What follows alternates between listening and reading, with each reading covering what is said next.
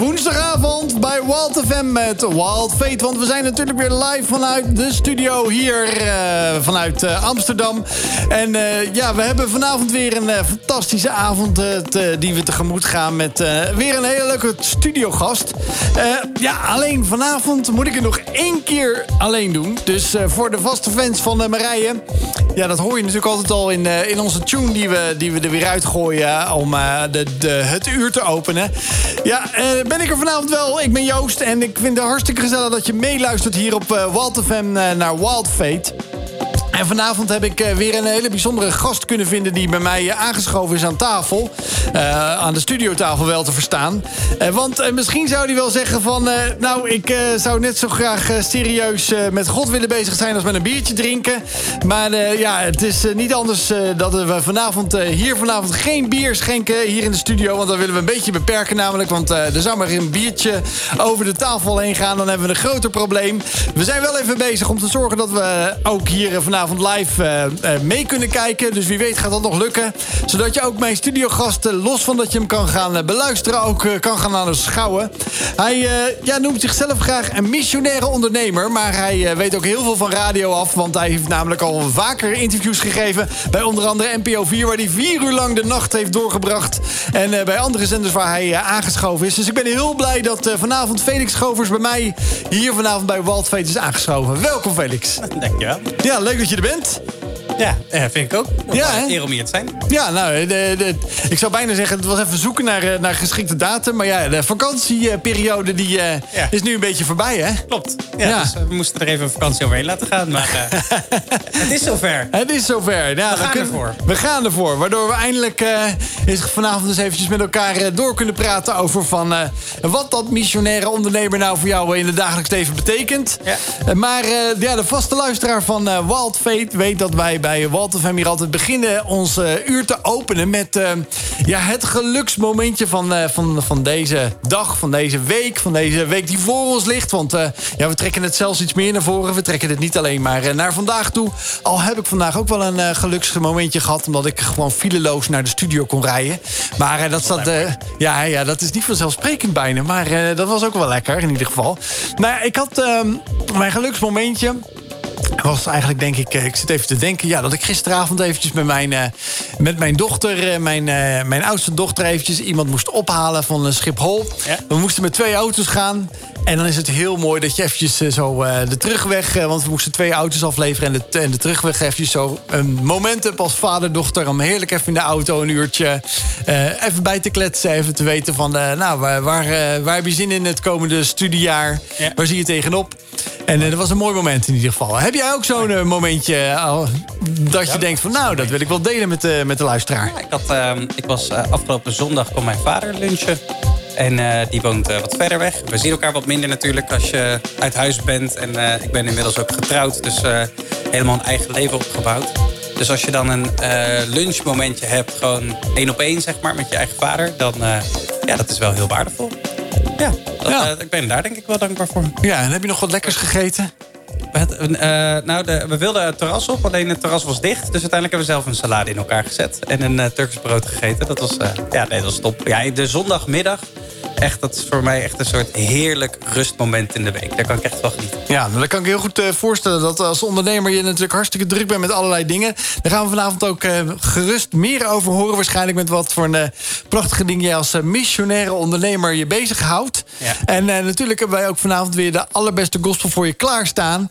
Dus daar gaan we heerlijk eventjes van genieten. Vanavond heb ik de gast Felix... Yes. Leuk dat je er bent, Felix. Energie zit er goed in, Joost. Ja, dat is altijd een momentje. Als je daar die tafel in live gaat, Felix, dan, dan kan je niet meer terug. Nee, zeker niet. Nee, dat, nee. Belooft, dat belooft veel spektakel voor de komende twee uur.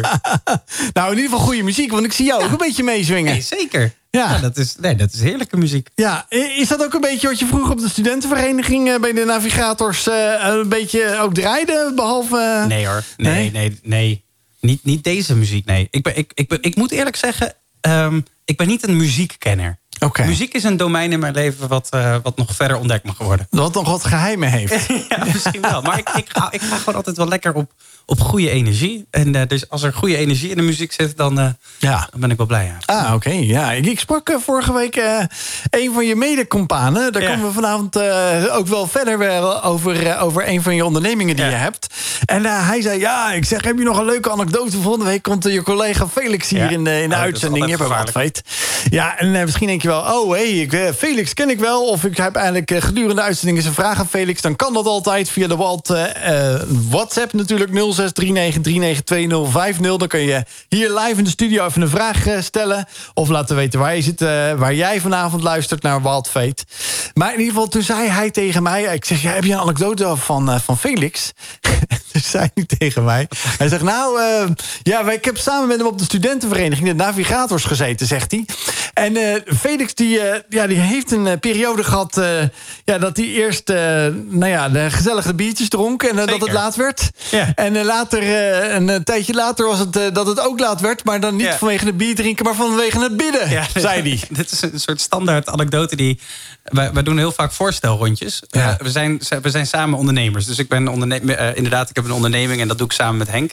En eh, dan, eh, dan stel je jezelf heel vaak voor in gesprekken, zeg maar. En eh, deze anekdote komt heel vaak voorbij. Dit, dit heeft hem op de een of andere manier soort van verbaasd dat dat zo kon. Want het klopt. eh, eh, ik, ik, heb, ik, zit bij, eh, ik heb bij Navigators gezeten. Ik ben zelf nu 28. eh kom rol net een beetje mijn studententijd uit. En tijdens mijn studententijd dus bij een studentenvereniging gezeten. Navigators, dinsdagavond, borrelen met vrienden, gezelligheid, zeg maar. Ehm, en dan kon het op dinsdagavond wel eens laat worden. Ja, we draaiden nooit muziek in de sociëteit. Dat, hè, dat is uit den boze. In de sociëteit is om het, eh, voor vriendschap en is voor eh, relatie, voor gesprek. Dus ik kan dan tot laat in de avond gesprekken hebben met gasten. En dan inderdaad, eh, op de sociëteit was altijd wat goedkoper biertjes. Dus dan kon je aardig wat drinken. En dan de volgende ochtend, ja, ik was tijdens mijn studententijd ben ik dus met de onderneming begonnen. Ook tijdens mijn studie, zeg maar. Dus ik deed het een beetje naast elkaar, zeg maar. Dat is ook denk ik de reden dat ik zeven jaar over mijn studie heb gedaan. Maar ehm, Je was niet een, verbaar, of een voorbeeldige student Nee, die nee, nee. Nee, jaar absoluut heeft afgewerkt. Nee, nee, nee. Nee, en mijn vrouw is echt het tegenovergestelde. Die, eh, nou goed, eh, maar ehm, ik kwam dus dan... Ja, we waren gewoon met, met onze missie bezig tijdens mijn studententijd. Maar ja, dat, dat betekent dus wel dat ik dan... eh, op dinsdagavond tot een uurtje of vier, vijf, zeg maar, lekker stond te borrelen. En dan de volgende ochtend toch een afspraak had met hem. En dan kwam ik toch vaak met wallen onder mijn ogen. Eh, op de woensdagochtend, soms met een klein beetje een geur om me heen. eh, de, de, de, de, ja, de, de, de zaal binnenlopen waar, of de kamer binnenlopen waar we dan zouden gaan werken. We hadden toen nog echt geen kantoor. Ehm, maar, het klopt, eh, een paar jaar later, dat, dit is zeven jaar geleden, gewoon midden studententijd. Een paar jaar later begon ik met bidden. Gewoon, ja, ik, ik ben christen en ehm, een vrienden van mij had mij uitgenodigd om één keer in de week, eh, s ochtends heel vroeg, zeg maar, eh, te bidden. Eh, of s'avonds heel laat. Eh, we, eerst deden we het s'avonds laat, later gingen we het 's ochtends doen. Maar eh, toen kwam ik dus ook met wallen onder mijn ogen kwam ik, eh, aan op werk. Maar dan was de reden niet dat ik eh, op de sok biertje had gedronken. Maar dat was de reden dat ik een, eh een gebidstond had gehad, zeg maar. Heel vroeg of heel laat. Vandaar deze anekdote. ja. Maar dit, dit heeft hem, dit, ik denk dat hij dit, dit, ja, dit, is, dit heeft hem eh, gegrepen. Ja, dit En, is dus eh, een ding is- die, die standaard bij Ja, jullie er tussen zijn oren zo zit. Dat is, hij is Ja, geïndoctrineerd erdoor. Ja, precies. Ja, ja, ja. Ja, ja. Maar even, even terug. Je zegt ik ben christen. Ben je zo opgegroeid of ben je later tot geloof gekomen? Nee, ik kom uit Deventer. Ja. Ehm, en eh, ben opgegroeid in een eh, gezin met vier jongens. Ehm, mijn eh, ouders, mijn moeder is Frans, mijn vader is Nederlands. Hebben elkaar in Italië leren kennen. Vier kinderen gekregen en samen naar een, naar een kerk gegaan in Deventer. En ja, we zijn dus eigenlijk een soort van christelijk opgevoed. Maar ehm, eh, mijn ouders zijn in 2013 uit elkaar gegaan, gescheiden. En ik ben eigenlijk de enige. mijn ouders geloven allebei nog wel, maar zijn opnieuw getrouwd met iemand die niet gelooft. En mijn broertjes hebben ook allemaal eh, hun twijfels, zoektochten met het geloof. En hebben het een beetje losgelaten. Dus ik ben eigenlijk een beetje een vreemde eend in de bijt geworden. Ik ben eigenlijk de enige die nog echt super fanatiek of veel met mijn geloof bezig is. Voor mij heeft het echt een enorme waarde. Ehm, ja, dus dat, eh, ja, dat is een beetje mijn, eh, waar ik vandaan kom. Ja. Mijn achtergrond. En uh, je zei ook van uh, de, de, navigators. Dus dan is het eigenlijk ook bijna vanzelfsprekend. Want navigators is een christelijke ja. studentenvereniging ook. Ja, of sociëteit. Ja, dus uh, ik ging van Deventer studeren in Hilversum. Ik heb audiovisuele media gestudeerd. Aan de HKU dus gewoon als filmmaker opgeleid, zeg maar, mediamaker. En wilde gaan wonen in Utrecht. Mooie studentenstad. Um, ja, en ik was gewoon op zoek naar, naar een sociale omgeving, zeg maar. Dus uh, net als veel mensen uh, sluit je, kan je dan aansluiten bij een studentenvereniging. En in, uh, er is dus een studentenvereniging, Navigators heet dat. Dat is een studentenvereniging waar ook met het, waar het geloof ook een centrale rol in heeft, zeg maar. Dus waar je ook kringen hebt met elkaar of diensten hebt met elkaar, dat soort dingen, zeg maar. En waar dus ook veel christelijke jongeren naartoe gaan. waardoor ik dus makkelijk veel christelijke mensen kon leren kennen. En ik heb mijn vrouw ook leren kennen aan de bar bij, uh, tijdens een biertje. Ah, kijk. Met, uh, bij de navigators. Ja, ja, ja. Nou, heel, ik ben heel benieuwd eventjes wat uh, navigators je nog meer voor moois heeft gebracht. En daar gaan we ja. zo eventjes door over praten, Felix. Zeker. Het is een van mijn uh, nou, bijna wel lievelings-DJ's uh, en, uh, en Portugees. Gibor Azil met Paz. Nou, dit is, dat is om Leel een beetje lekker op te swingen. Ja, Felix, dit, ja, toch? Zeker, zeker. Ja, ja. ja. ja, nou ja, om eventjes alvast op de playlist misschien te, te zetten. Omdat je zei, ja, ik ben nog niet helemaal nee, thuis in de muziek. Ik ben, dus, ik ben druk aan het meeschrijven met al deze...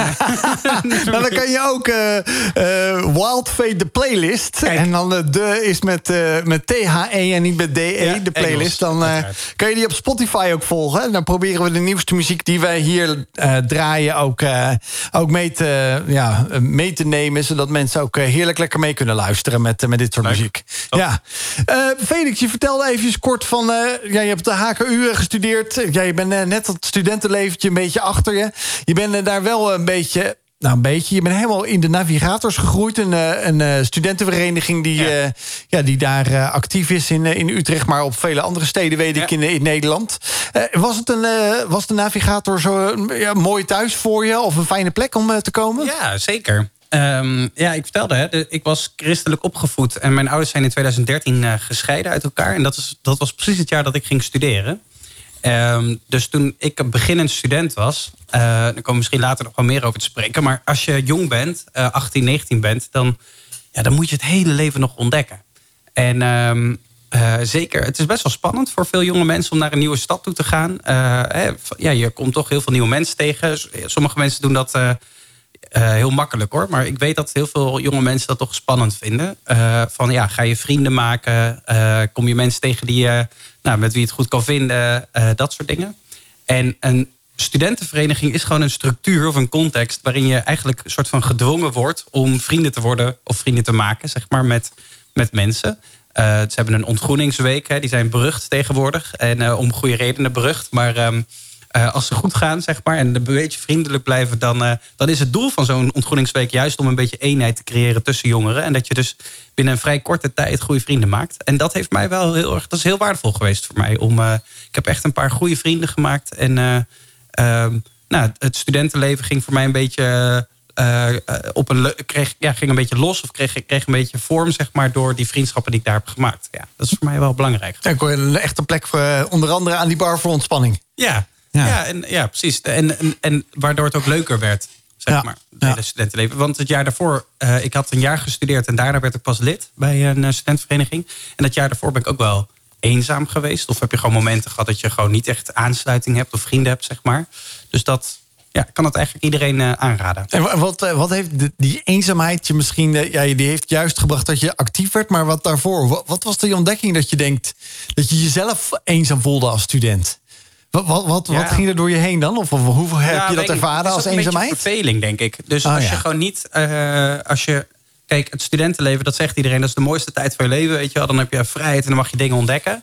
Um, maar um, als je zoveel keuzes hebt... dan is het soms ook lastig om goede keuzes te maken. En als, je dan het, als het dan even niet lukt... dan kan je ook in een soort ja, spiraal komen van... Ah, het komt even niet lekker van de grond of zo, weet je Of het, is, het gaat niet helemaal zoals ik wil... en dan ga je, kan je ook jezelf heel veel verwijten maken...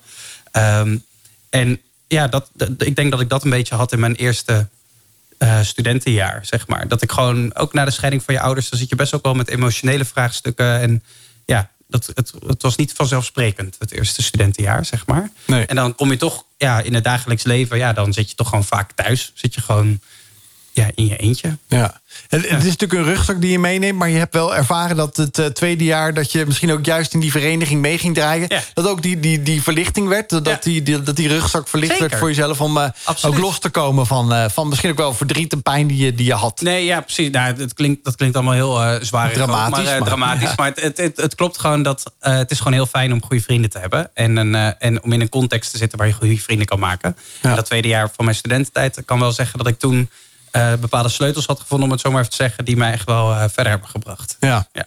Ja, want dat is namelijk ook wel heel interessant. En uh, dat is misschien ook wel waar, waar jouw de, de geboorte is van, jouw onder, van jouw eerste onderneming. Want uh, je hebt natuurlijk nu meerdere, ben je daarna gaan opstarten. En zeker als je kijkt naar jou, wat je zelf liever wordt benoemd als een missionaire ondernemer. Maar in ieder geval, dat ik open, dat is natuurlijk zo'n ding standaard. Uh, Felix komt bij mij te gast.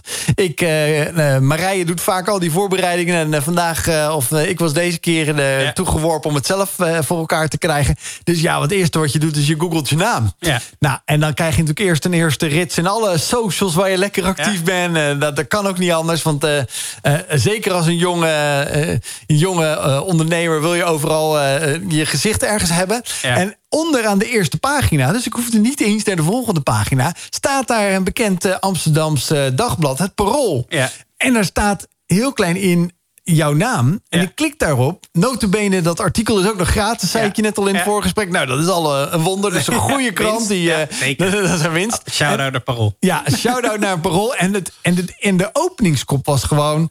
Uh, dat de, onder andere jij met vier anderen, of drie, anderen uiteindelijk...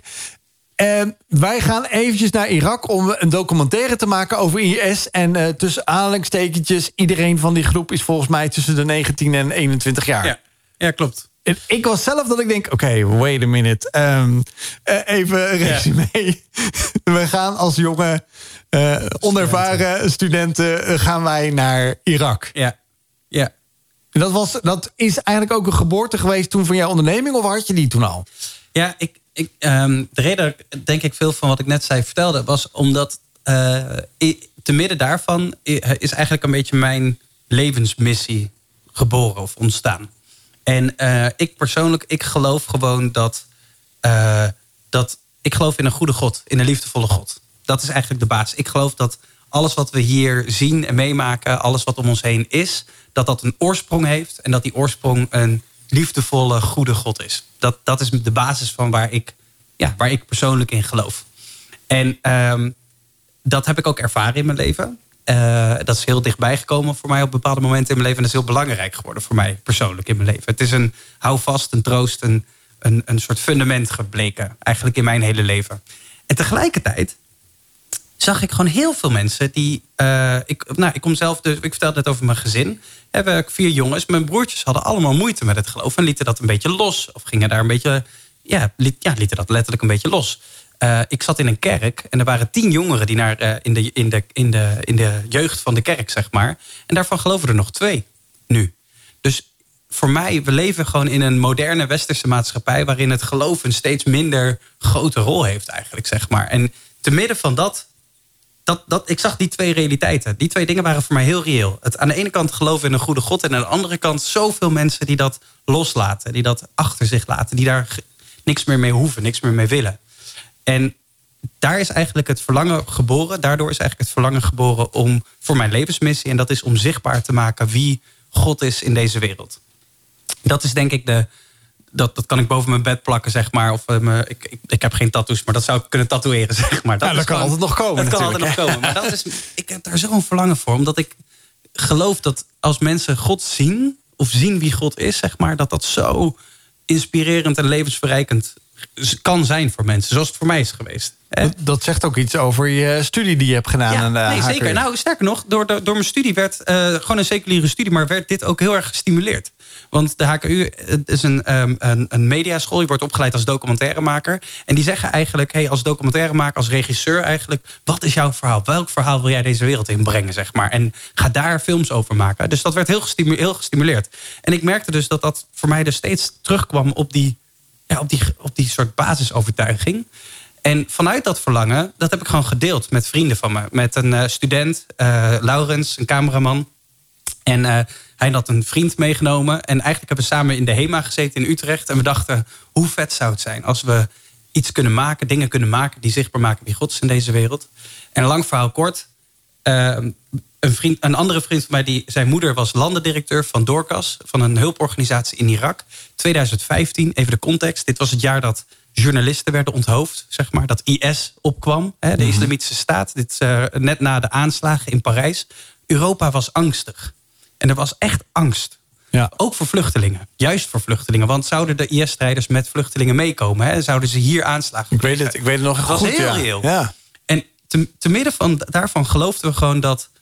Ehm, uh, wat, wat eigenlijk, we hoorden verhalen van de lokale vluchtelingen daar. Van mensen die, Yazidis, christenen, moslims. Allemaal mensen die op de vlucht waren gegaan, zeg maar, voor IS. Die opeens land innam, zeg maar, de, de, de islamitische staat stichten. En er waren zoveel vooroordelen over deze mensen. En die werden zo weggezet als een soort nummers. En weet je wel, mensen hadden totaal geen beeld of idee bij wie deze mensen waren. En wij hadden gewoon het verlangen van, ja, we willen gewoon de verhalen van deze mensen vertellen. Omdat we geloven dat door die verhalen iets van verbinding of hoop ehm, mogelijk is. En uh, zo gezegd, zo, zo, gedaan zou je kunnen zeggen.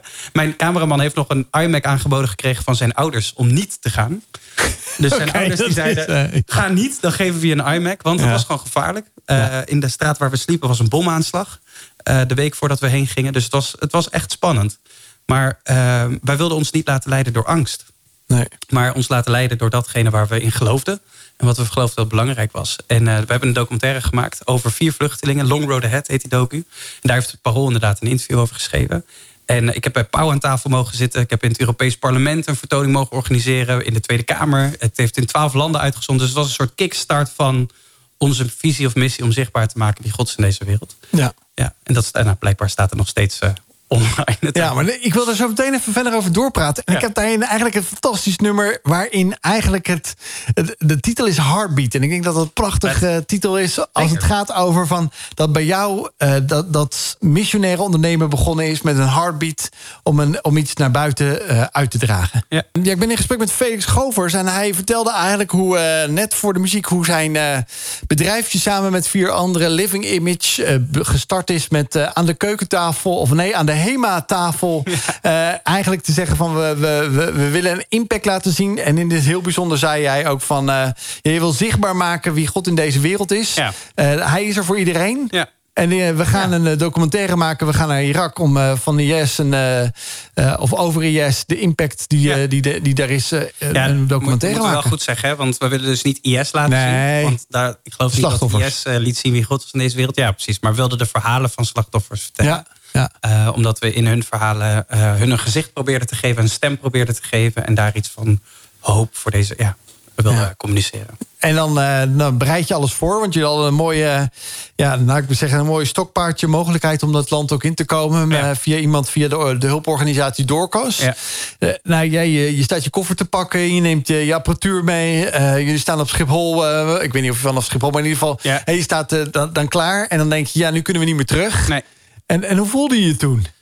Ja, ik, ik weet niet. Uh, heel uh, thrilled, zou je in het Engels zeggen, zeg maar. Dus heel erg zo van uh, hyped. Van, hé, hey, dit gaan we doen. En hoe vet is dit? En uh, ik had toen al een soort voorgevoel dat dat, dat, dit, dat dat project, zeg maar, een soort ja, katalysator zou zijn. Een aanzwengeling zou zijn van, van eigenlijk mijn levenswerk of zo. Dus dat het het begin zou zijn. Dus het voelde heel geladen, zeg maar. Het voelde niet zomaar van, oh, we gaan even in een twee weekjes tussendoor even naar Irak toe een documentaire maken en daarna terug naar de orde van de dag, zeg maar. Dit, dit lag zo dicht bij ons hart en wat we wilden maken, zeg maar, dat ik echt dacht van wow, dit zou zomaar eens een, uh, ja, het begin kunnen zijn van iets heel moois, zeg maar. Um, en ook spannend. Ja, want dan, dan land je eenmaal in, in een land. Uh, ja, die, maar ik heb me, ja, dat is wel goed om te weten hoor. Want zeg maar, het klinkt heel uh, groots en spannend. En dat was het op zich ook wel. Maar ik heb me in Irak geen moment onveilig gevoeld. Dus wij, wij, waren naar Koerdistan en uh, destijds, het is nu gevaarlijker. Uh, destijds was het een stabiele regio, zeg maar. Die werd gecontroleerd door de Verenigde Staten ook. En uh, dus ik ben nooit in oorlogsgebied geweest. Uh, maar juist naar de regio's naast het oorlogsgebied waar veel vluchtelingen heen gingen. Eigenlijk ja. een beetje, je zou het nu kunnen vergelijken. Ja, met, ja, er zijn natuurlijk ontzettend veel vluchtelingen over de hele wereld. Mhm. ja. ja. en, en um, nou ja, je schiet het op materiaal, je komt terug, je gaat dat monteren. Ja. Uh, nou, dan is het klaar. Dan, dan ja. was het, uh, want je zei van het, er was het ontstaan van Living Image, maar ondertussen zat je nog op de HKU. Ja. Uh, nou, heb je hem daar ook met, met docenten besproken? Of, of heb je eigenlijk gedacht van ja, nee. dit, dit, dit, heeft een hele andere order, dit, dit, dit passeren we? Ja, wat ik, dit is grappig, want um, dat realiseer ik me nu. Ik, wat ik uh, ik merk of ik ervaar of ik geloof eigenlijk dat alles wat wij doen, dat ik wil daar ook.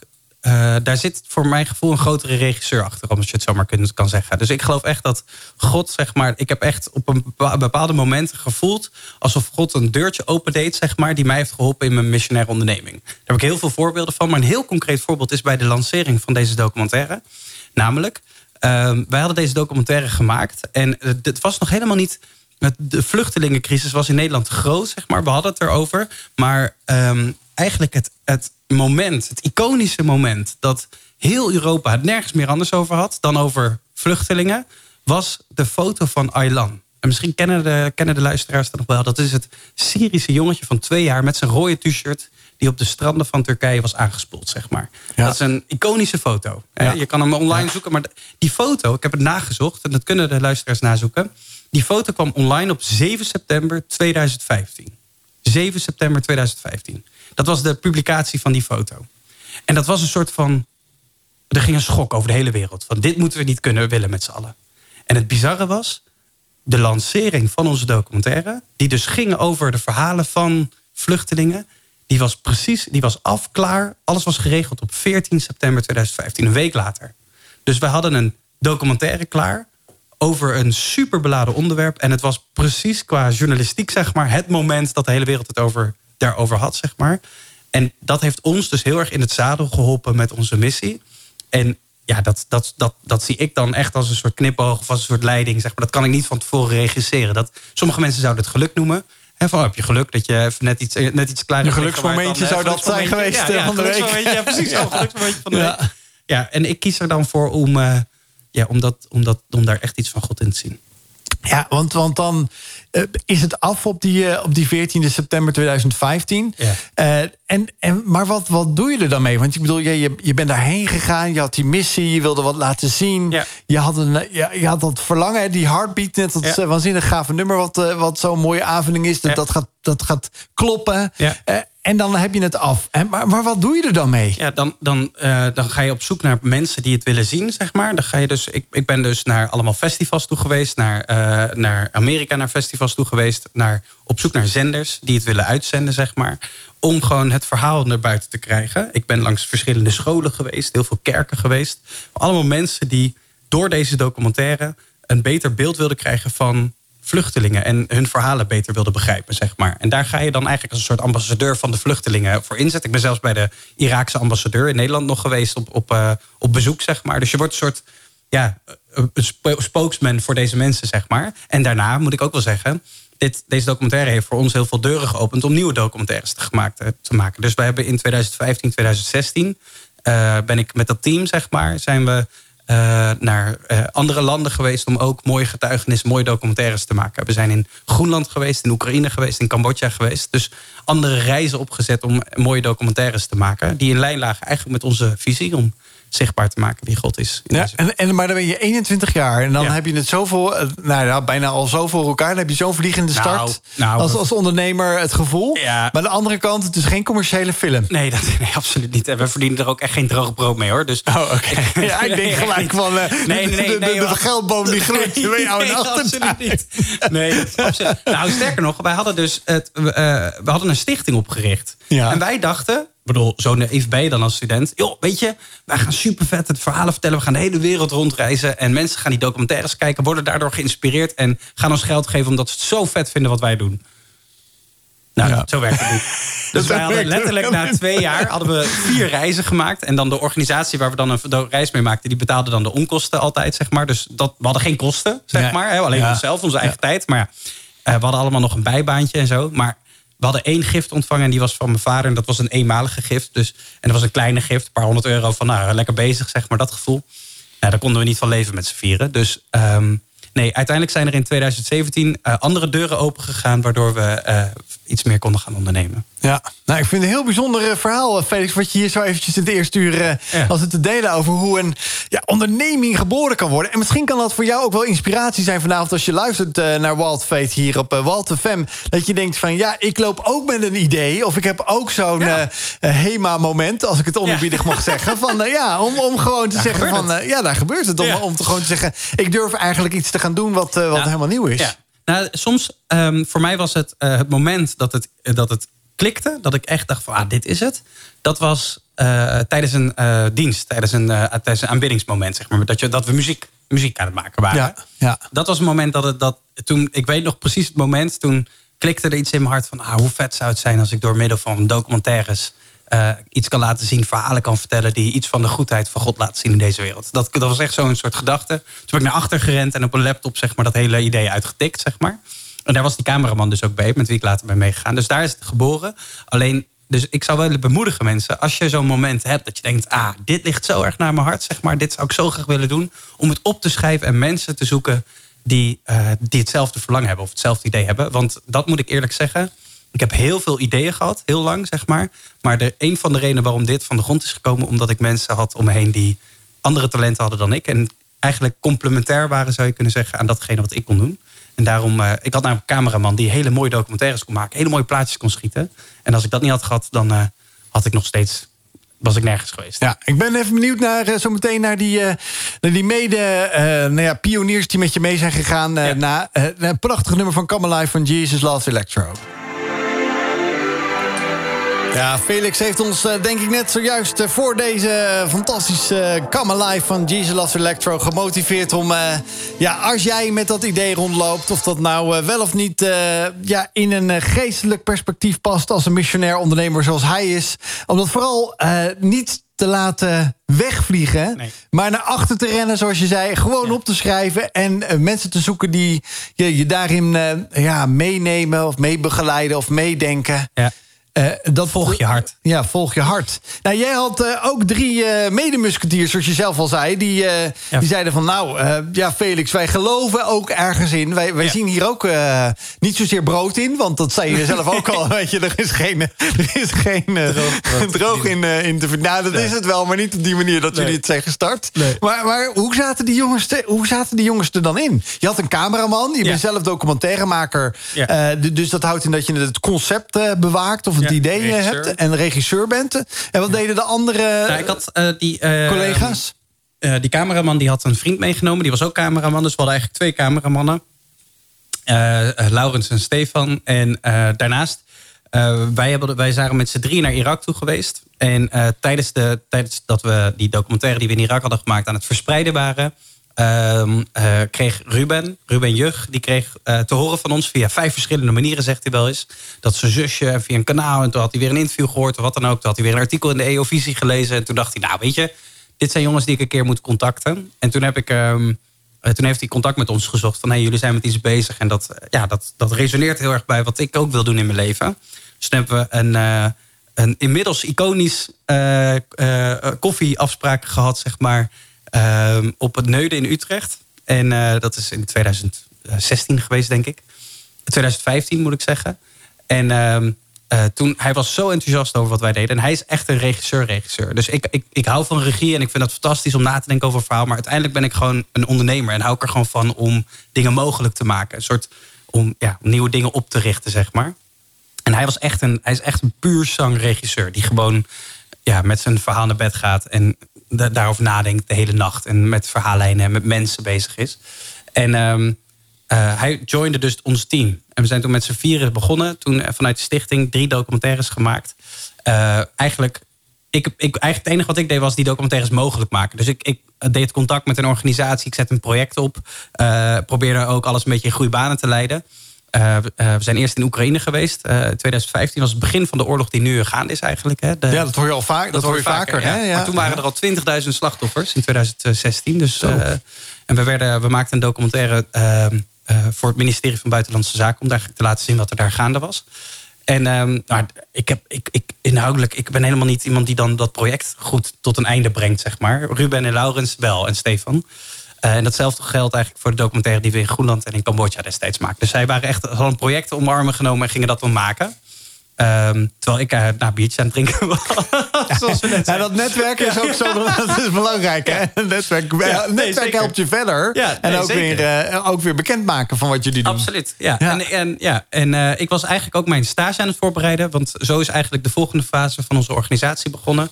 Um, ik moest een stage lopen en ik heb Gert-Jan Segers leren kennen, de partijleider van de ChristenUnie, aan tafel bij Pauw. Uh, toen zaten we tegelijkertijd aan tafel daar. En hij nodigde me eigenlijk uit voor het om een keer koffie te komen drinken... met het communicatieteam van de ChristenUnie. En zo, zo geschiedde. Zij waren eigenlijk met de voorbereidingen van de verkiezingscampagne in 2017 bezig. En dit is ook weer zo'n geluksmomentje, tussen aanhalingstekens. Of hoe je het noemen wil, maar ik ervaar het dan als leiding. Um, en zij waren bezig met de voorbereidingen van de verkiezingscampagne in 2017... voor de landelijke verkiezingen van de Tweede Kamer. En ze hadden eigenlijk gewoon video's nodig. En ze zeiden eigenlijk tegen ons van... joh, jullie kunnen prachtige documentaires maken... maar kunnen jullie niet ook gewoon video's maken? En dat was een moment, uh, daar was ik eigenlijk mee bezig... terwijl zij met de, de documentaires bezig waren, zeg maar. En uh, dat was een moment dat wij ons ook realiseerden... van hey, ons verlangen is echt om zichtbaar te maken wie God is in deze wereld. En daarvoor kunnen we prachtige documentaires wereldwijd maken. Maar God werkt ook in Nederland. En uh, ik geloof dat God door mensen heen werkt. Hè, dat de mensen de handen en voeten zijn, iets kunnen nou ja, doen in hun leven... waardoor je iets van Gods goedheid kan proeven. Dat geloof ik. En die mensen verzamelen zich in allerlei organisaties. Ja, of dat nou uh, de ChristenUnie is of een, uh, de Leger des Heils is heel bekend, zeg maar. Het zijn allemaal organisaties waar christenen vanuit proberen goed te doen in deze wereld. En toen dachten we, hey, we kunnen die organisaties ook helpen met video's maken voor ze. En zo is eigenlijk een soort videoproductiebedrijf begonnen. Dat we dachten, hey, we vragen gewoon, kunnen we we gaan gewoon uh, lijntjes leggen naar organisaties en vragen naar goede doelen. Dat was de story van deze van vandaag volgens mij. Van hey, kunnen we voor jullie een video maken die iets laat zien van wat jullie doen in het werk? En daar was wel brood mee te verdienen. In die zin dat er heel veel organisaties waren die echt behoefte hadden aan goede video's. Maar gewoon niet zo goed wisten hoe ze die moesten maken. Soms ook niet altijd de budgetten hadden om dat heel commercieel te betalen. En het fijn vonden om met christenen te praten die gewoon verstand hadden van video. Ehm, en eigenlijk binnen twee jaar werkten we voor meer dan 100 christelijke organisaties of zo, waar we heel veel verschillende soorten videoproducties voor maakten. Ja. ja en dat was ook de tijd dat Henk Jan, dat de compagnon die je sprak, uh, dat was het moment dat hij aanhaakte eigenlijk. Ja, nou, ik, ben, ik ben heel benieuwd uh, om het tweede uur uh, daarop op in te luiden... Wat, ja, wat die impact van die honderden organisaties... of honderd organisaties die, ja. jullie, die, die, jullie helpen... wat dat nog meer met zich mee heeft gebracht. En ja. daar gaan we lekker tweede uur met jou over doorpraten, Felix. De, we moeten er helaas eventjes uit. Want we zijn een commercieel station... Ja. wat de broek omhoog moet houden met commercials. Dus we zijn zo bij je terug. En dan ga ik verder spreken met Felix Govers... over zijn ja, missionair ondernemen, wat dat voor hem betekent... en uh, ja, waarin hij nog veel meer ideeën en visie heeft om dat te delen met ons. God So Love the World. Nou, dat is wel een lied om fantastisch te openen in de tweede uur... bij Wild Fate hier op Wild FM. Ik ben in gesprek met uh, Felix Govers. En uh, dit is denk ik wel echt een, uh, een titelsong die op zijn hart geschreven is. Want hij heeft het eerste uur gedeeld over hoe hij ja, het op zijn hart heeft gekregen... om God zichtbaar te maken in deze wereld. Wie hij is en wat hij doet. En het is heel is simpel, zegt hij eigenlijk. Heeft hij dat eerste uur dat gezegd. Maar hij heeft daar wel een beweegreden voor gekregen... om ja, om daar ook echt uh, werk van te maken en dat zichtbaar te maken. Maar uh, dan heb ik er gelijk even dat eerste tweede uur hier uh, die vraag voor jou, Felix. Je, je zegt zo makkelijk van.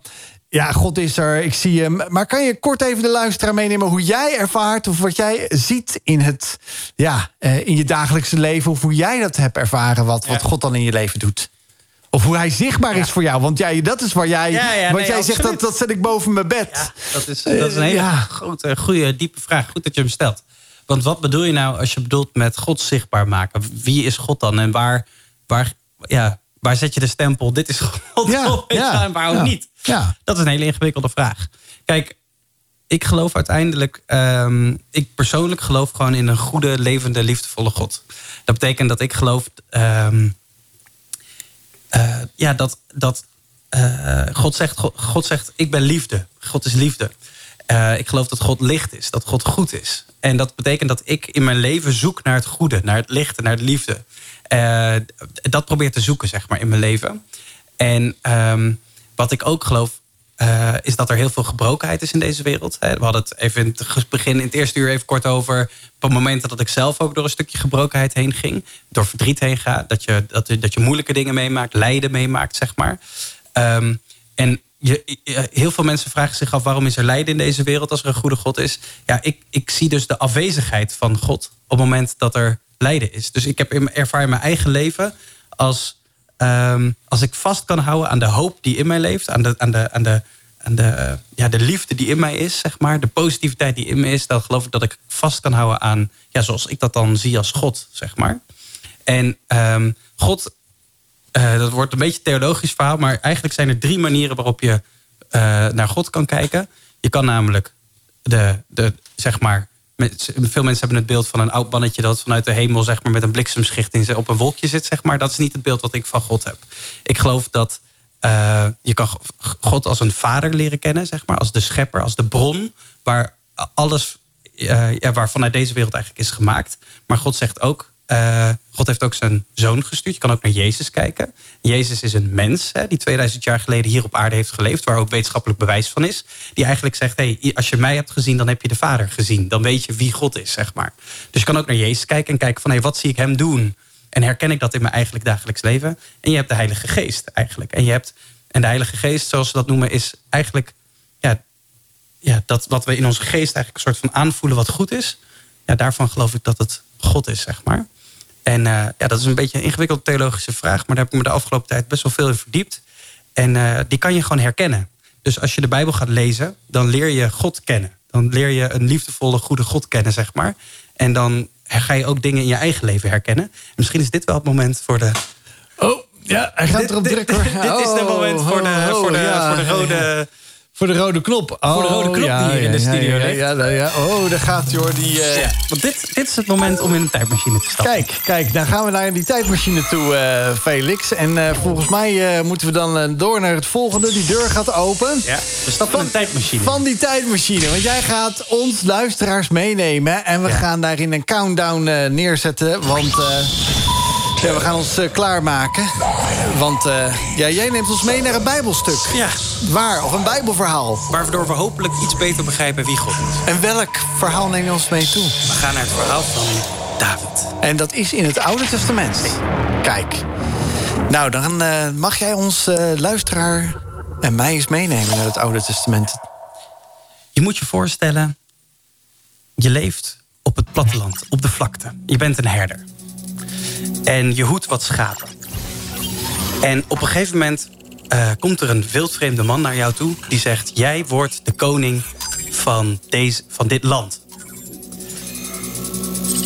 En we, we, we hebben het vandaag vanocht, uh, vanavond over het verhaal van David. David, misschien kennen mensen hem wel, met zijn slinger. Een van zijn eerste heldendaden was dat hij een grote reus uh, versloeg. Dat kennen we allemaal wel. Goliath. Maar wat veel mensen niet weten, is dat David een jonge man was. die in zijn hart en in zijn leven heel erg gefocust was op God. Eigenlijk een hart had wat God probeerde te leren kennen. en God uitnodigde in zijn leven. En continu op zoek was naar. ja, God, wat mag ik doen in mijn leven? Zijn hele hartgesteldheid was als het ware gefocust op God. En wat je. Uh, toen David werd gekozen, toen David. Uh, David werd eigenlijk uitgenodigd door de koning van dat moment, Saul, om in zijn hof te dienen. En uh, Saul was een heel groot fan van David. En Saul was de koning van dat moment. En Saul en David zijn allebei uh, Bijbelfiguren die allebei bezig waren met een, met een koninkrijk bouwen, met, met een onderneming neerzetten, zou je kunnen zeggen in deze tijd. En uh, van allebei de personen staat dat ze, uh, ja, dat, ze dat met God probeerden te doen. Maar van Saul staat, van de, van koning van dat moment, Saul staat, dat hij dat zonder God probeerde te doen. Dat hij zelf probeerde te bedenken van hé, hey, wat, is, wat is goed? En zelf zijn eigen dingen probeerde te regelen. En van David staat geschreven dat hij zijn hart eigenlijk continu gericht, richtte op God. En eigenlijk continu bad van God, wilt u mij laten zien wat ik moet doen? En uh, veel weinig mensen weten dit. Maar uh, Sauls koninkrijk mislukte eigenlijk. En uh, het koninkrijk van David, dat sloeg. Hij, hij heeft een ontzettend. Ja, hij is eigenlijk een soort geloofsheld geworden voor heel veel christenen. Omdat hij heeft, ons heeft laten zien hoe je op een goede manier kan zien wie God is. En ook kan uitdragen wie God is in deze wereld. Welkom terug bij Wild Fate hier op Wild FM. Ik ben in gesprek met Felix. En uh, ja, hij uh, heeft ons meegenomen in die tijdmachine... naar het uh, Oude Testament van de Bijbel. En hij legde een verhaal uit uit, uit 1 Samuel. 1 Samuel, daar staan meerdere verhalen in over David en Saul. Ja. Waarom dit verhaal, Ja, dat is een Felix? vraag. Kijk, um, ik ben zelf met ondernemen bezig. En we hadden het eigenlijk over... Hoe, wie is God? hoe herken je God of zo? En dat is super moeilijk uit te leggen. Weet ja. Je, ja, wie is God? En, en ehm, eigenlijk in het verhaal van David en Saul is voor mij heel duidelijk geworden uh, wie God kan zijn voor mensen.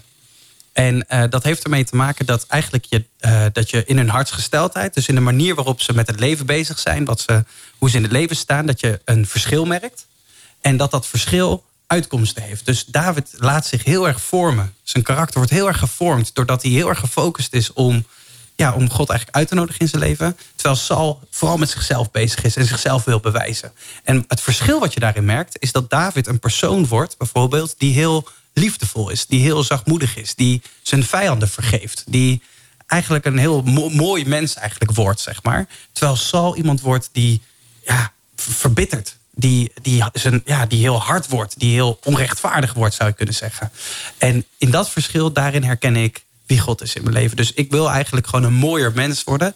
En uh, ja, uh, geduldig zijn, liefdevol zijn, rechtvaardig zijn. Iemand zijn die zijn vijanden lief heeft, zeg maar.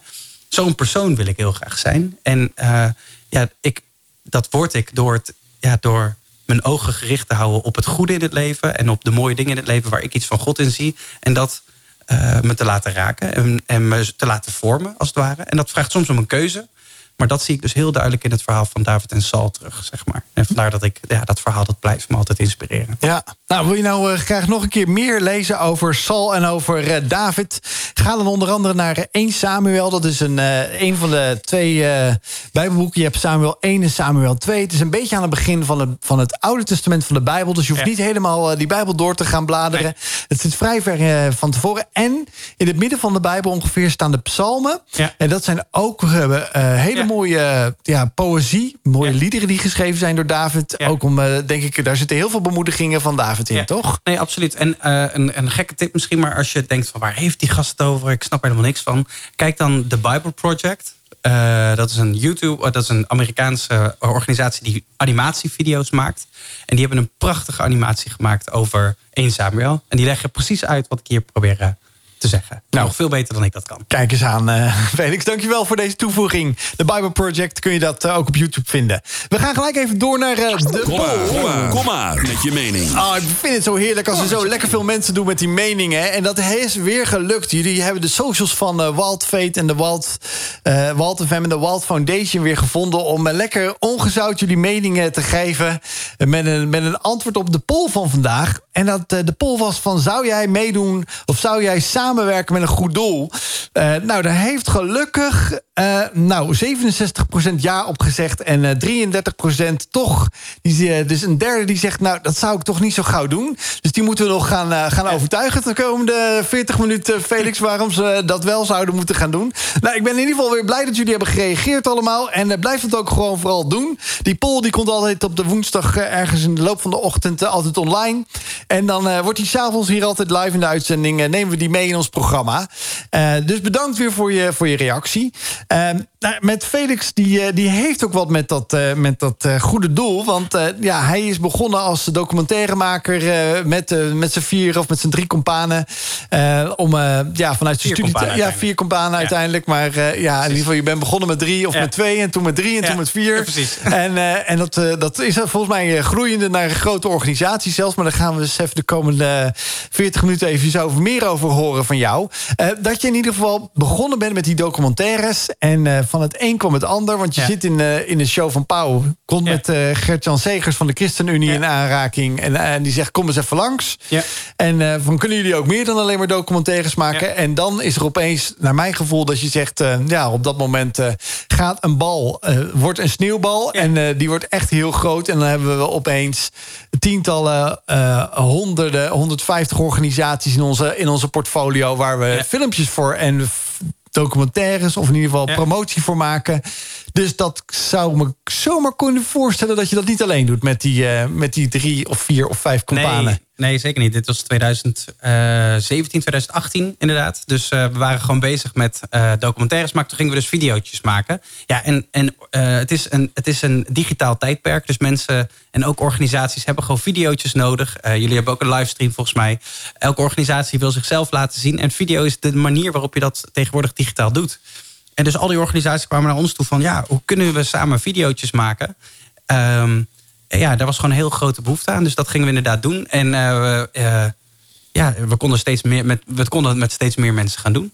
Ja, en dat heb je dan alleen in Nederland gedaan? Of ben je ook, want je zei al, die documentaires waren ook in het buitenland. Heb je daar ook uh, buitenlandse nee, ook, producties ja, hoor, We hebben voor een club, uh, 3 M is een club, hebben we in Bangladesh nog een videoproductie gemaakt. En we zijn voor ZOA, is een grote hulporganisatie, zijn we nog uh, in verschillende landen geweest. En voor Light for the... We zijn ja, het is een beetje afhankelijk. Je probeert het werk wat een organisatie doet te laten zien. En sommige organisaties doen werk in het buitenland. Dus dan ga je naar het buitenland om dat werk daar te laten zien.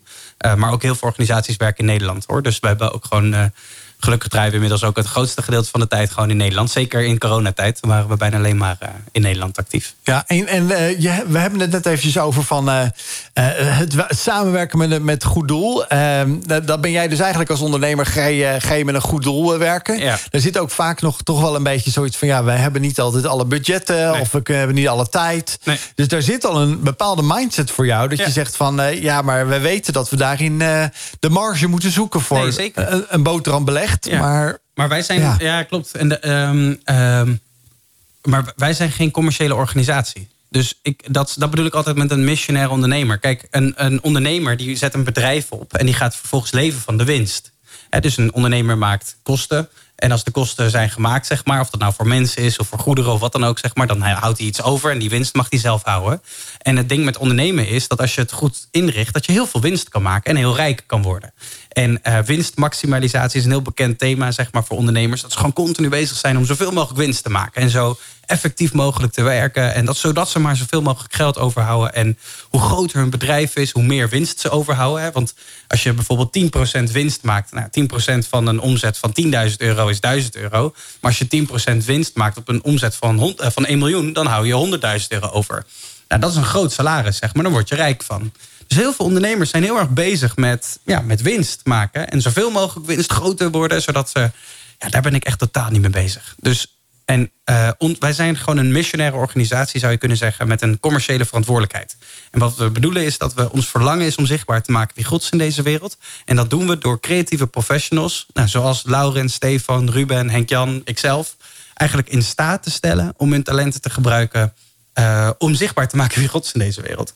Dus zij kunnen uh, uh, hun brood verdienen, als het ware, door bij een commerciële club te werken of bij ja, een McDonald's te werken en voor hun video's te gaan maken. Ja, alleen dan laten ze McDonald's zien aan de wereld. Terwijl als wij hun in staat stellen een, een, een bedrijf kunnen zijn waar zij video's kunnen maken van ja, organisaties die ja, ja, iets laten zien van de hoop en de goed en ja, van het licht, zeg maar, wat, wat christen in deze wereld proberen te schijnen, dan laten ze iets van God zien, zeg maar. Dus zo proberen wij eigenlijk te ondernemen. Dat betekent dat wij uh, een korting geven bijvoorbeeld op onze tarieven standaard aan christelijke organisaties, zodat we wat betaalbaarder zijn.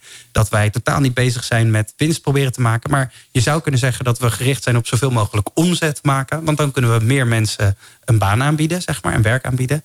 En dat gaat redelijk goed. Want we, we, we zitten bijna op 40 collega's inmiddels met wie we dit mogen doen. Dus ja, ja, daar krijg ik heel veel energie van om, uh, om daarover na te denken. En je, je bent zelf uh, relatief jong, hè? Ja. 28, uh, 29, ja, 28. Um, dus dat houdt ook in dat uh, ja, je, je hebt veel energie. Zijn ook je collega's ook in diezelfde range van, van ja. nou, young professionals? Of heb je ook echt een heel divers palet van oude, oude, oude mannen, oude vrouwen? Nee, nee, nee. oude mensen in ons team. Nee, nee het, ik denk dat de gemiddelde leeftijd zo rond de 30 ligt. En we, hebben, we hebben net, eergisteren zijn weer acht nieuwe stagiaires begonnen ook. dus er zijn ook vaak jonge young professionals. We hebben heel veel twintigers in ons team. Maar ja, als je een bedrijf aan het bouwen bent, dan wil je altijd die jonge energie combineren met de ervaring van oudere mensen. Dus we hebben bijvoorbeeld een cameraman die ook al drie kinderen heeft en in de veertig is volgens mij. En een een producent die 20 jaar bij de EO heeft gewerkt, die nu bij ons hoofdproductie is, zeg maar. Dus het verschilt gewoon heel erg. Uh, alleen het zwaartepunt ligt wel echt rond de, ja, de eind 20, begin 30, medio 30 zou je kunnen zeggen. die leeftijdscategorie. En dat komt ook omdat wij vaak worden gevraagd zeg maar, om organisaties te helpen om nieuwe media in te zetten. Hè. Sociale media, videoproducties. nou, dat, daar komen ze voor ons. En jonge mensen die groeien gewoon helemaal op met social media. Dus die, ja, die snappen gewoon helemaal hoe dat werkt. En hoe je content maakt, video's maakt die, die geschikt zijn voor sociale media. Dus, uh, ja, ik, ik, neem aan, ja, ik neem ook trouwens aan dat jullie een groot uithangbord op livingimage.nl hebben. Waar mensen ook denken: hey, ik wil eens een keer weten wat jullie maken aan creatieve uitspattingen. Dan kunnen mensen daar allemaal uh, uh, trailers bekijken om eventjes te kijken van wat jullie produceren. Ja, ja. Livingimage.nl. Livingimage.nl. Uh, ik heb even een, ook nog een vraag voor jou persoonlijk. Uh, ik weet wel, je zei net ook al, je hebt eerder gezegd in deze uitzending van, uh, ik ben uh, vooral de netwerker, ik ben vooral de, eigenlijk degene die, ja, die wat meer ja, de, met, met de dingen bezig is om te promoten, om dat naar buiten te brengen. wanneer heb jij voor het laatst eigenlijk zelf gehad dat je dacht van, ja, dat, dat, dat er een enige vorm van ja, uh, wel bij je opkwam op het moment dat je een productie in handen had of gemaakt hebt misschien, of daar wel bij betrokken was, uh, waarvan je dan dacht van wauw, dit mag ik overhandigen of hier ga ik de markt mee op. Welke is dat geweest voor jou? Nou, een van de producties waar ik wel echt kipvel van heb gehad, uh, die we zelf hebben mogen maken, is uh, Less of Me. Dat is een documentaire die we hebben gemaakt over een drugscrimineel die 1 miljoen ecstasy-pillen verkocht ooit. Uh, echt een van de grootste drugsbronnen van Nederland was, 20 jaar geleden. En uh, die een soort uh, ja, bekeer, bekeerd eigenlijk is. Een soort ontmoeting heeft gehad met God, zou ik kunnen zeggen. Ja. In een gevangeniscel. Die tot geloof is gekomen. En wij hebben eigenlijk een documentaire gemaakt over het veranderingsproces waar hij doorheen is gegaan. Dus hij was eerst een drugscrimineel. En nu is hij een, ja, een christen. Alleen dan ben je niet van de een op de andere dag een soort superhuman. Die geen fouten meer maakt, zeg maar. Dan ben je nog steeds mens. En dan maak je, leef je nog steeds. En dan ja, struggle je nog steeds. En uh, we hebben een documentaire gemaakt. Die is ook te kijken als je naar uh, gaat. Uh, revealdocs.com. Dat is eigenlijk het, ons documentaire merk. Waar we vaker documentaires op plaatsen. Daar kan je die documentaire ook kijken. Die duurt 50 minuten. En we hebben echt geprobeerd om zijn struggle vast te leggen. Eigenlijk, te laten zien. Dus we hebben hem gefilmd in Brazilië ook. Um, waar die nu zendeling is. En die documentaire kwam uit. En ik denk dat ja, toen dacht ik echt van ja, dit, deze documentaire laat echt zien hoe reëel die struggle soms is. Um, en daar was ik trots op. En, uh, we hadden toen, uh, begin dit jaar hebben we hem gelanceerd in Kinepolis. Er waren 500 mensen bij. En vlak voordat de documentaire begon, voordat de avond begon, kwam er collega Ruben, die kwam naar me toe. En die vertelde dat we hadden de documentaire al gestuurd naar andere organisaties. Van hey, kijk hem, weet je wel, en om ze uit te nodigen. En die vertelde dat al iemand tot geloof was gekomen... die God heeft leren kennen eigenlijk door die documentaire, zeg maar. En toen dacht ik echt van ja, als het alleen al deze ene persoon is waarvoor we het hebben gemaakt... dan, uh, dan is het toch goed geweest. Daar kon ik wel echt kipvel van krijgen. Ja, dat iemand gewoon de goedheid van God leert kennen door iets wat je maakt. Dat, uh, ja, en, dan, uh, dan gaat opeens in Leon lichten die, die, die grote bak voor God zichtbaar maken. Ja, ja. gaat dan bij jou echt. Uh, ja, dat, uh, die, ja, die, die heel ja. ja. Ja, En, en want, want hoe, hoe kan, je de, kan je mij en de luisteraars meenemen? Eh, dan zit je voor dat grote doek. Want dan denk ik bij mezelf van Kinderpolis. Ik neem niet, niet aan dat je hem al thuis uh, in je eigen bios misschien wel hebt gekeken. Maar dan zie je hem op zo'n groot scherm. Hè? Ja. ja, je zei, dan krijg je misschien dan ook wel kippenvel. Want je hebt hem gemaakt. Dus je weet wat er dan speelt. Dan zie je, jij hebt het kippenvel moment al gehad. En dan zie je de mensen om je heen. Ja en, wat doet dat dan met je nog? Doet dat dan nog iets met je eigenlijk misschien? Ja, nou, vooral dat je, um, dat je merkt... Kijk, als documentairemaker probeer je een verhaal te vertellen. En die maak je niet voor jezelf. Die maak je voor mensen. Net als radio. Weet je, we zijn nu radio aan het maken. Ja, we vinden het leuk om met elkaar te praten. Maar dat kunnen we ook met een biertje in de kroeg doen. Maar we doen dat voor de mensen hè, die, die aan het luisteren zijn. En dat geldt natuurlijk voor ons ook. Dus als, als filmmaker, het heeft ons vier jaar gekost om deze documentaire te maken. We zijn er vier jaar lang mee bezig geweest. En dan ben je continu aan het nadenken. Je zit continu in je hoofd, zeg maar, om dingen te maken. Ja, en als je dan ziet dat mensen gewoon geraakt worden, opgebouwd worden, geïnspireerd worden door datgene wat je maakt, zeg maar. En wat hun ook helpt om nou, op een concretere manier met het geloof bezig te zijn, zeg maar. Dat, ja, dan, dan denk ik, ja, dan, uh, dat is gewoon ja, super gaaf. Ik ben in gesprek met Felix Govers van uh, ja, onder andere ondernemer van Living Image. Dat hij samen met een heel groot team van gedreven twintigers, dertigers en veertigers doet. Maar vooral vijftigers. nee. ah, ja, gewoon vooral. Uh, en ik vind het zo gaaf dat je dat zegt, Felix. En dat is natuurlijk wel zo. Want we, ik, ik had recent ook een overlegje met iemand. Die zegt: ja, ja, we hebben echt die jonge mensen nodig. Want die weten hoe die social media werkt. En ja. Uh, ja hoe je dan de, de, impact kan maken bij mensen. Mm -hmm. En toen dacht ik: ja. Dat is ook zo, want met mijn leeftijd die ik later, later niet weer ga noemen vanavond. Nee. in de 40, zwaar in de 40 plus. Ja. Nee, maar ik wil proberen mee te gaan met, met allerlei dingen. Ja. Be real heb je. Ja, be real. Ja, ja, ja, ja, Dus we hebben net even een be real gemaakt hier in de studio. Want uh, het is tijd om, uh, we krijgen de klok en dan een foto te maken. Maar, maar volgens mij heb jij ook daarin ja, juist ook wel een, een, sleutel in handen. Met, met, met, die, met die passie voor, voor, voor zichtbaar maken van wie God is. Ja. Uh, letterlijk en figuurlijk zichtbaar. Uh, en daarin ook je talent gebruiken met Ja. media. Ja. Uh, en ook dat je ook gewoon een je hart hebt voor jonge mensen... die, die ook jij gewoon graag wil bereiken. Ja. dat kan niet anders zijn dan dat daar gewoon wat uit gaat rollen. Dat daar wat uitgerold is. Nee, nee klopt. Um... We hadden het wel grappig, want we hadden het net over mijn uh, stage. Hè, die dus, ik had, officieel heb ik stage gelopen bij de ChristenUnie toen ik die videoproducties voor ze ging maken. Maar na mijn stage moest ik mijn afstudeeronderzoek doen. En dit was dus in een tijd dat we al die videoproducties maakten voor al die organisaties. Alleen uh, uh, we liepen eigenlijk ergens tegenaan, is dat een videoproductie op zichzelf, als je een prachtige video maakt, als je die online zet, dan doet het nog niks. Zeg maar. Dus we hadden hele grote videoproducties gemaakt. En die zetten we toen online. Maar ja, daarmee bereikten we nog niet het doel waarvoor mensen die video's lieten maken. Dus we zijn heel erg op zoek in deze tijd naar hoe kunnen we jonge mensen bereiken? Hoe kunnen we ze inspireren? Dus daarom heb ik mijn afstudeeronderzoek heb ik, uh, gebruikt om eigenlijk een jaar lang research te doen. Uh, naar sociale media, naar community bouwen, naar hoe werken die sociale media? Waarom zitten zoveel jonge mensen daar zo op? Wie zijn de influencers? Hoe werkt dat allemaal, die hele wereld, zeg maar? En uh, dat onderzoek heb ik gedaan omdat ik dus merkte dat de, uh, mijn verlangen, ik wil zichtbaar maken wie God is in deze wereld, om jongeren te bereiken en te laten zien hoe mooi het geloof ook kan zijn, zeg maar. Alleen met de video's die we maakten was het niet voldoende. Uh, mijn broertjes bijvoorbeeld en ook maar andere leeftijdsgenoten, hun hele uh, wereldbeeld zeg maar, wordt heel erg gevormd door wat ze op sociale media voorbij zien komen en, en de kanalen die ze volgen en de influencers die ze volgen. En ik dacht, kunnen we dit niet ook vanuit ons geloof doen, zeg maar? Um, en daar wilde ik research naar doen. En dat heb ik dus toen gedaan. En uh, dat is eigenlijk het begin geworden van Move. Wat we eigenlijk de, de derde onderneming. Hè, dus we hadden de documentaires, Reveal uh, eigenlijk. We hebben Living Image. Daar, daarvanuit maken we video's voor christelijke organisaties. En helpen we hun met nieuwe media. En eigenlijk de derde onderneming die ik mag leiden op dit moment is Move. En dat is een ambi-stichting. Uh, waarvanuit we eigenlijk een online community bouwen. Content maken voor jonge mensen via sociale media. Om hen te inspireren in het geloof. Move. Move. Move community. Ja. En uh, staat Move voor, voor iets? Uh, move, dan denk move. ik bewegen. Ja, je nee, moet bewegen, in beweging komen nou, natuurlijk. De, de originele naam, dat weten niet veel mensen, maar dat was Living Collective. Oh, oké. Okay. wow. dat was niet heel sexy. Nee. nee, dus je nee. weet je wel. Dus je bent dan op zoek naar van hoe kan je iets maken. Nee, wat we vooral gewoon tof vonden was om... Um, wat wij, we wilden gewoon eigenlijk nou, uh, er is een groot uh, christelijk festival met Pinksteren. En Opwekking heet dat. En ik stond op een gegeven moment in de jongere tent van Opwekking. En je met 10.000 jonge mensen die allemaal christen zijn. Of God zoeken in hun leven. En dan zit je op maandag zit je op school of bij je studie. En dan zijn ze allemaal weg. En ja, daar, daarvan dacht ik, hoe kan dat toch? En waar zijn al die jongeren opeens? En wat zijn hun verhalen, zeg maar?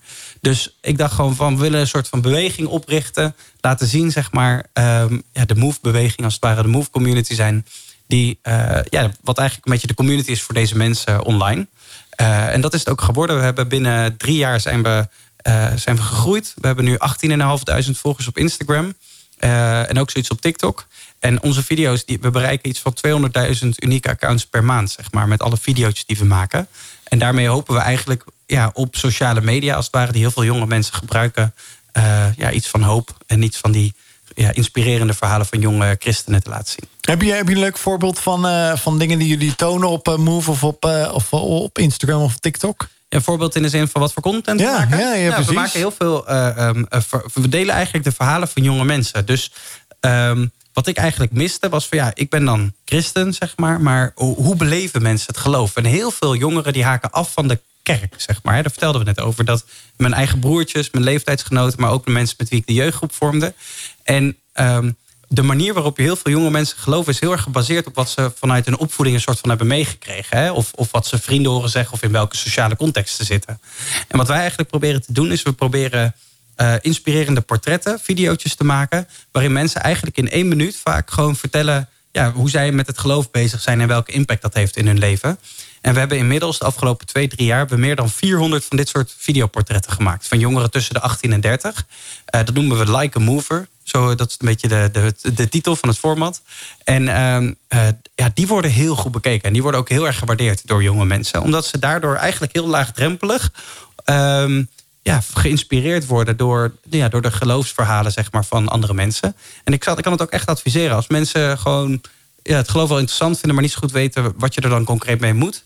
Eh, als je ons volgt op sociale media, dan krijg je allemaal portretten voorbij. En dan, en dan gaat het steeds meer, ja, krijg je er een steeds beter beeld van. Van ja, hoe mooi het leven kan zijn als, eh, als christen. Ja, heb, heb je een, eh, heb je een fragment van, eh, van eh, een van de movers die daar op de social media gekomen is, waarvan je dan dacht van wauw, die zegt iets of die doet iets. Ja. Dat, nou, dat is weer zo'n kippenmo- eh, kippenvel momentje. Wat je, dat- kijk, want ik weet niet in hoeverre je natuurlijk helemaal bij alles betrokken bent, maar Nee. je, allicht dat je wel de dingen voorbij ziet komen. Of Zeker. misschien heb je het wel door het gonzen van anderen gehoord dat je zegt. Nee, nee, zeker. Ja, Ehm, nou, we hebben een meid bijvoorbeeld die in de prostitutie heeft gezeten. Eh, in Amsterdam zelf, zeg maar. En daaruit is gekomen eh, door haar geloof. Of eh, door iets wat het geloof voor haar heeft betekend. Die is daar heel open over. We hebben vrouwen echt. We proberen echt authentieke verhalen te vertellen. Want dat is het ook hè, voor jonge mensen. Kijk, wij proberen gewoon te laten zien hoe dat het geloof aan jonge mensen die op social media zitten, dat het geloof iets heel moois en iets heel inspirerends kan zijn, zeg maar. Dat is eigenlijk de basis. En ehm, dan, dat, dat betekent wel dat we authentieke verhalen maken, die soms ook een beetje rauw zijn. Zoals de psalmen van David ook lekker rauw zijn. Hè? Het zijn Ja. pieken en dalen. Klopt, en dat ja. proberen we heel duidelijk te laten zien. En mensen vertellen heel open hun getuigenissen. Dus we hadden het laatste meisje die gewoon heel open vertelde dat ze een pornoverslaving had. Dat ze daar gewoon mee struggelde. Hm. Dat ze dat dat ze, ja, dat ze gewoon graag naar porno keek, maar dat ze er niet zo trots op was. Dat ze eigenlijk niet zo fijn vond van zichzelf dat ze dat deed. En dus heel erg aan het zoeken was van, hey, hoe kan ik hier nou vanaf komen? Maar daarin ook heel erg de liefde, dan heb je het weer, de goedheid van God erin ervaren, zeg maar. En genade. Want een woord is wat we weinig kennen in onze cancelcultuur, maar wat ik wel echt super mooi vind, dat je eh, iemand lief kan hebben, gewoon ondanks hetgene wat iemand heeft gedaan, zeg maar. Een soort onvoorwaardelijke liefde. Dat ze dat heel erg ervaart in haar geloof van God, zeg maar. En dat inspireert gewoon heel veel jonge mensen, omdat ze zichzelf heel vaak tekort vinden komen. Hè. Heel vaak toch een beetje teleurgesteld zijn in zichzelf of depressief zijn. Hè. Er zijn heel hoge depressiviteitscijfers of ja. ehm, onder onze leeftijdsgenoten. Nou, als je dan een videootje kan maken die laat zien van hé, maar God houdt van je, eh, wat je struggle ook is, zeg maar. En de reacties daar ook op ziet, zeg maar. Ja, dat is wel, eh, dat is echt heel inspirerend. Ja, ik, ja. Ja, ik hier, wat ik eh, heel gaaf vind als je zo dit zit te vertellen. Misschien zit je wel mee te kijken. Als het goed is, dan eh, kun je de livestream ook eh, bij, bij Wild FM meekijken. Is, is dat ik, en dat hadden we net even tijdens de muziek erover. hè. Ik heb ook een dochter in de, in, in de leeftijd van Ja. eh 20, 20 plus. En dat ik ook wel merk, en Ja. dat kan jij misschien beamen of juist ontkrachten. Maar dat, dat de twintigers ook de echte echtheid zoeken. En die er anders zo doorheen prikken. En die niet meer allemaal die tierenlantijntjes en die opsmuk willen. Nee. Maar gewoon kom maar, kom maar, want Ja. ik, ik ben er wel klaar voor. Heb je dat zelf Ja. ook? Ervaar je dat zelf ja, ook zo? absoluut. Ik ben wel benieuwd, waar merk jij dat aan? Oh, hoe bedoel je dat? Ja, waar merk je aan dat, dat je dochters die opsmuk niet meer willen, zeg maar, die authenticiteit zoeken? Ja, nee, dat, dat, gewoon, eh, dat- dat, je niet meer eh, het helemaal hoeft te omlijsten met, met allerlei eh, te veel woorden. Nee. eh, zeg het nou maar gewoon.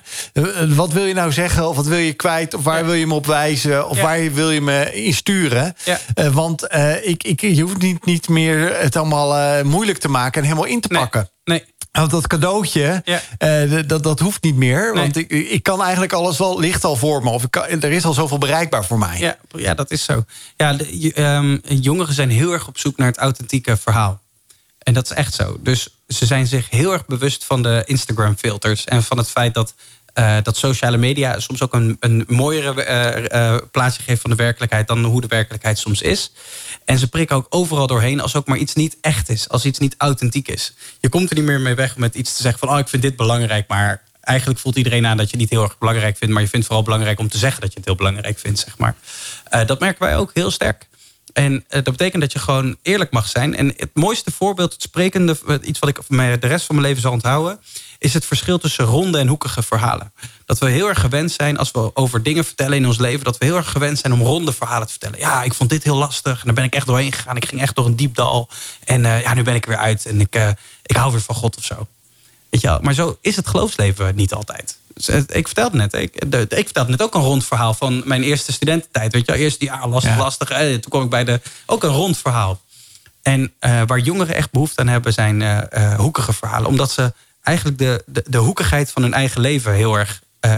zich heel erg bewust zijn van de hoekigheid van hun eigen leven. Van de zoektocht en de struggles die, waar zij op dit moment doorheen gaan. De, de grote levensvragen waar ze maar geen grip op krijgen. De onzekerheid over zichzelf, die ze heel lastig vinden. En ze zijn op zoek naar mensen die eerlijk durven te zijn over die verhalen. Die die hoekige verhalen herkennen. Van ja, het is ook soms lastig, het is soms ook moeilijk. Uh, maar er is en er blijft hoop. En de, de, de, ja, dat blijft en laten we ons daaraan vasthouden. En als een soort reisgenoten. Je vroeg waar komt de naam Move vandaan? We gebruiken heel vaak het beeld reisgenoten. Laten we samen op weg gaan naar dat doel. Om ja, betere mensen te worden en God meer onderdeel te maken van ons leven. Ja, dat kunnen we alleen maar samen doen. Ja, ja heerlijk, heerlijk, heerlijk. Lekker eventjes om uh, wakker te worden. Zo aan het eind van deze avond, want misschien uh, moet je nog een nachtdienst in. Of uh, moet je nog even flink blokken voor, voor een studiemomentje... wat we natuurlijk weliswaar gestart is. Maar ja, sommigen moeten nog weer opeens een herexamentje doen... wat ze nog hadden liggen van vorig jaar, hè? van het vorige studiejaar. Ja, ja, ja. Ja, ja, ja, ja. Felix, je vertelde net eventjes voor de muziek over... ja, je hebt eigenlijk drie ondernemingen. Je hebt de documentaire organisatie die je hebt. Je hebt de Living Image, waarmee je vooral commerciële uh, videoclips maakt. Daarnaast heb je ook Move. Uh, dat doe je niet alleen, neem ik aan, met een, een, team of met uh, sowieso een mede. ja, nee, daar hebben we een hele redactie op. Nee, vanuit Living Image helpen we organisaties ook met andere dingen hoor. Met social media, met websites, met veel meer dan ja. alleen video's. Dus dat is een beetje doorontwikkeld. Sorry, sorry. Maar, ik onderschuif het niet ja, hoor. Nee, nee, nee, nee, nee, dat snap ik. Nee, nee, maar voor de duidelijkheid. Ja. Nee, dus we, we proberen organisaties gewoon echt te helpen om zichtbaar te zijn in deze tijd. Daar, daar komt het op neer. En um, ja, vanuit Move um, ja, hebben we een redactie eigenlijk die content maakt en daarmee jongeren uh, bereikt en inspireert. We hebben een uh, dagelijkse podcast, een uh, ochtendpodcast van zes minuten om je dag even goed mee te beginnen met een mooie overdenking. Die heet Wake Me Up. En um, ja, die kan je ook vinden via move.community. Dat is de website. Dus daar staat alle informatie daarover. En als je dan slash wake me up doet, dan vind je die gelijk. Uh, dus dat gewoon, we proberen content te maken nou, uh, die mensen gewoon inspireert zeg maar, en helpt in hun geloofsleven. En we bereiken daarmee gewoon heel veel jonge mensen. Hè? Dus ik zei net, alleen op Instagram al bereiken we elke maand 200.000 unieke accounts. En um, ja, dat doet een heel team. Dus videomakers, vormgevers, regisseurs. Die zijn, ja, een soort mediateam die is daar elke dag mee bezig met die content. Ja, en, je bent, uh, en dat doe jij, dat, dat heb je uiteindelijk gedaan. Want je zegt van ja, ik, ik voel mezelf missionair ondernemer. Uh, dit is ook dan nog zelfs een beetje visionair ondernemer. Want het is een, een, een, een, nieuwe tak, niet zozeer van sport, maar wel omdat het echt op, uh, ja, op je lijf geschreven is om dat te gaan doen. Ja. Um, en, en dat combineer je allemaal met elkaar. Dat vind ik al een hele berg werk. Ja. Nou, gelukkig heb ik ook een heel team hoor. Ja. Dus wij, uh, wat ik al zei, we zijn met 40 mensen. En uh, elk team wordt geleid door een teamleider. Dat zijn echt allemaal stuk voor stuk toppers. Uh, dus ik probeer gewoon nieuwe dingen op te richten. En te zorgen dat er win-win situaties ontstaan. Zeg maar, dat, dat God zichtbaar wordt gemaakt. Dat, dat we werkgelegenheid creëren voor, voor creatieve professionals. Zeg maar. Um, en daar dan een team op te zetten die dat dan vervolgens verder gaat uitbouwen. Dus al, al die videoproducties die op dit moment worden gemaakt voor heel veel organisaties, daar ben ik zelf helemaal niet meer zoveel bij betrokken. Maar dat vind ik ook wel vet. En eigenlijk hetgene waar ik me nu volgende tijd mee bezig ga houden, is dat we merken dat we die jonge mensen die we bereiken met uh, online op social media, dat we die. De, uh, we hebben, ja, die willen we eigenlijk ook offline bij elkaar gaan brengen. Dus we gaan ons veel meer richten. We gaan eigenlijk als Move Community, zeg maar, ehm, deelnemen aan events voor jonge mensen eh, tussen de 18 en 30. En eigenlijk onze community uitnodigen om met Move naar die events toe te gaan. Dat hebben we afgelopen zomer gedaan. Toen zijn we naar een uh, Frans festival gedaan. Welcome to Paradise heet dat. Um, en toen hebben we eigenlijk movers via Instagram uitgenodigd. Dus de volgers op Instagram gewoon gezegd... joh, wij gaan naar dit festival, wil je meegaan? Uh, meld je dan hier aan. Uh, en toen hebben twee, uh, 50 jongeren hebben zich aan, aangemeld. Zeg maar. Dus zijn we met een bus vol Ja. zijn we naar dat festival toe gegaan. Ja, en dat willen we het komende jaar veel meer gaan doen en veel uh, actiever gaan doen. Zodat wij jonge mensen ook echt gaan inspireren, positieve geloofservaringen gaan geven en ook iets meer gaan connecten met elkaar als community.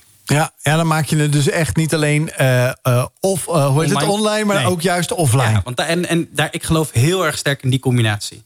Dus ik geloof heel sterk dat je mensen kan bereiken en kan inspireren via online kanalen. Maar daar moet het niet bij ophouden. Want je kan heel veel mensen inspireren, maar ja, dan zetten ze ook een beetje, dan kunnen ze gewoon video's consumeren, een beetje bekijken en dan verandert er niks. Ik geloof juist dat je dat moet verbinden aan iets wat je offline doet. Of het nou een kerkdienst is, bij wijze van spreken, of een events of activiteiten of community bouwen of discipelschap, wat je ook wil doen, zeg maar, relaties bouwen. Maar in het echte leven, daar gebeurt het. Dus, maar je, uh, ja, die dingen moeten altijd goed met elkaar samengaan. Dat, zo proberen we altijd na te denken. En dat gaan we nu dus ook voor Move doen. We bereiken nu heel veel jongeren. We hebben eigenlijk de eerste stap gezet. Uh, de afgelopen vier, vijf jaar. En het komende nieuwe seizoen zetten we eigenlijk, gaan we de volgende fase van die uh, stichting in. Om, uh, ja, om jongeren ook offline met elkaar te verbinden. Nou, tof dat je dat je, je daarvoor wil inzetten als, uh, als uh, visionair en missionair ondernemer. Want ja. dat ben je, ben je gecombineerd samen met een team van, uh, van professionals ja. die, die daarin hun bijdrage willen leveren. Ja. Je had het net ook eventjes over ja, dat je van die korte ja, minute of hope, zou ik maar zeggen, had ook op moves de, die jullie die uitzenden. Heb jij zelf om de luisteraar ja, te, misschien ook wel te laten ontdekken, om ja, God zichtbaar te maken, hè, zoals je dat echt ook deze deze avond bij mij erin hebt geprent. Ja. Uh, heb je daar zelf een, een statement bij uh, in, die, in die elevator pitch... wat je zelf wil delen nog met de luisteraar? Um, een statement? Of een, nou, ja, wij maken getuigenis. Getuigenis eigenlijk, ja. Ja. Ik, ik denk dat um, wat ik de kijker wil meegeven... of de luisteraar moet ik zeggen, ja. want we zijn op de radio... Um, dat, er een, dat ik heb in mijn eigen leven heb mogen ontdekken... dat er een God is die onvoorwaardelijk lief heeft. En onvoorwaardelijk liefhebben betekent dat je van iemand houdt, wat diegene ook doet. En die onvoorwaardelijke liefde, die is er voor mij. Dus ik ben onvoorwaardelijk geliefd. Of ik nou fouten maak in mijn leven, of ik nou heel succesvol ben, of in, een, in de put zit, of ik rijk ben, arm ben, gekleurd ben, of uh, blank ben, of wat dan ook, welke leeftijd ik ook heb. God houdt onvoorwaardelijk van mij. Maar God houdt ook onvoorwaardelijk van de mensen van wie ik persoonlijk iets minder hou. En er zijn mensen in mijn leven die mij pijn hebben gedaan. Die mij onrecht hebben aangedaan. Door wie ik beschadigd ben misschien wel. En ik heb in mijn leven mogen ontdekken dat God ook van deze mensen onvoorwaardelijk houdt. En dat hij eigenlijk aan mij vraagt om ook van deze mensen te houden. En dat is iets wat we in deze wereld niet kennen. Maar als je God vraagt, wilt u mij helpen om mijn vijanden lief te hebben? Dan uh, gaat hij dat doen. En dan ja, dan uh, leer je wat genade betekent en wat onvoorwaardelijke liefde betekent. En dat bevrijdt, heeft mij, vergeving, heeft mij heel erg bevrijd van, uh, van dingen waar ik heel lang vast in zat. Dus daar wil ik de luisteraar mee bemoedigen. Nou, dankjewel Felix. En ik denk, uh, als je nou net pas inhaakt... omdat je denkt, uh, er begint straks weer lekker een muziekavond... die je voor de, voor de boeg hebt... dan klopt dat inderdaad ook. Want daar gaan we zo meteen heerlijk inderdaad ook naar luisteren bij Walt FM. maar het gave is dat eigenlijk Felix... zonder dat hij het misschien door heeft gehad of juist wel... en je hebt het gemist, nou, morgen staat de podcast online... of je kunt zondag nog een keer deze, luister, deze aflevering naluisteren... dat hij het heeft gehad over de drie basiselementen van het christelijk geloof. Namelijk hoop, geloof en liefde. Niet precies in diezelfde volgorde of in een andere volgorde... maar hij heeft het over alle drie gehad. En dat vind ik heel erg mooi dat je daar op die manier... bewust of onbewust dat vanavond ja, met ons gedeeld hebt, uh, uh, Felix. Dus dankjewel, dat kwam mij heel erg frappant uh, kwam ja. dat, langs mooi. vanavond. Ja. Ik wil je heel erg bedanken voor je, ja, voor je komst hier vanavond.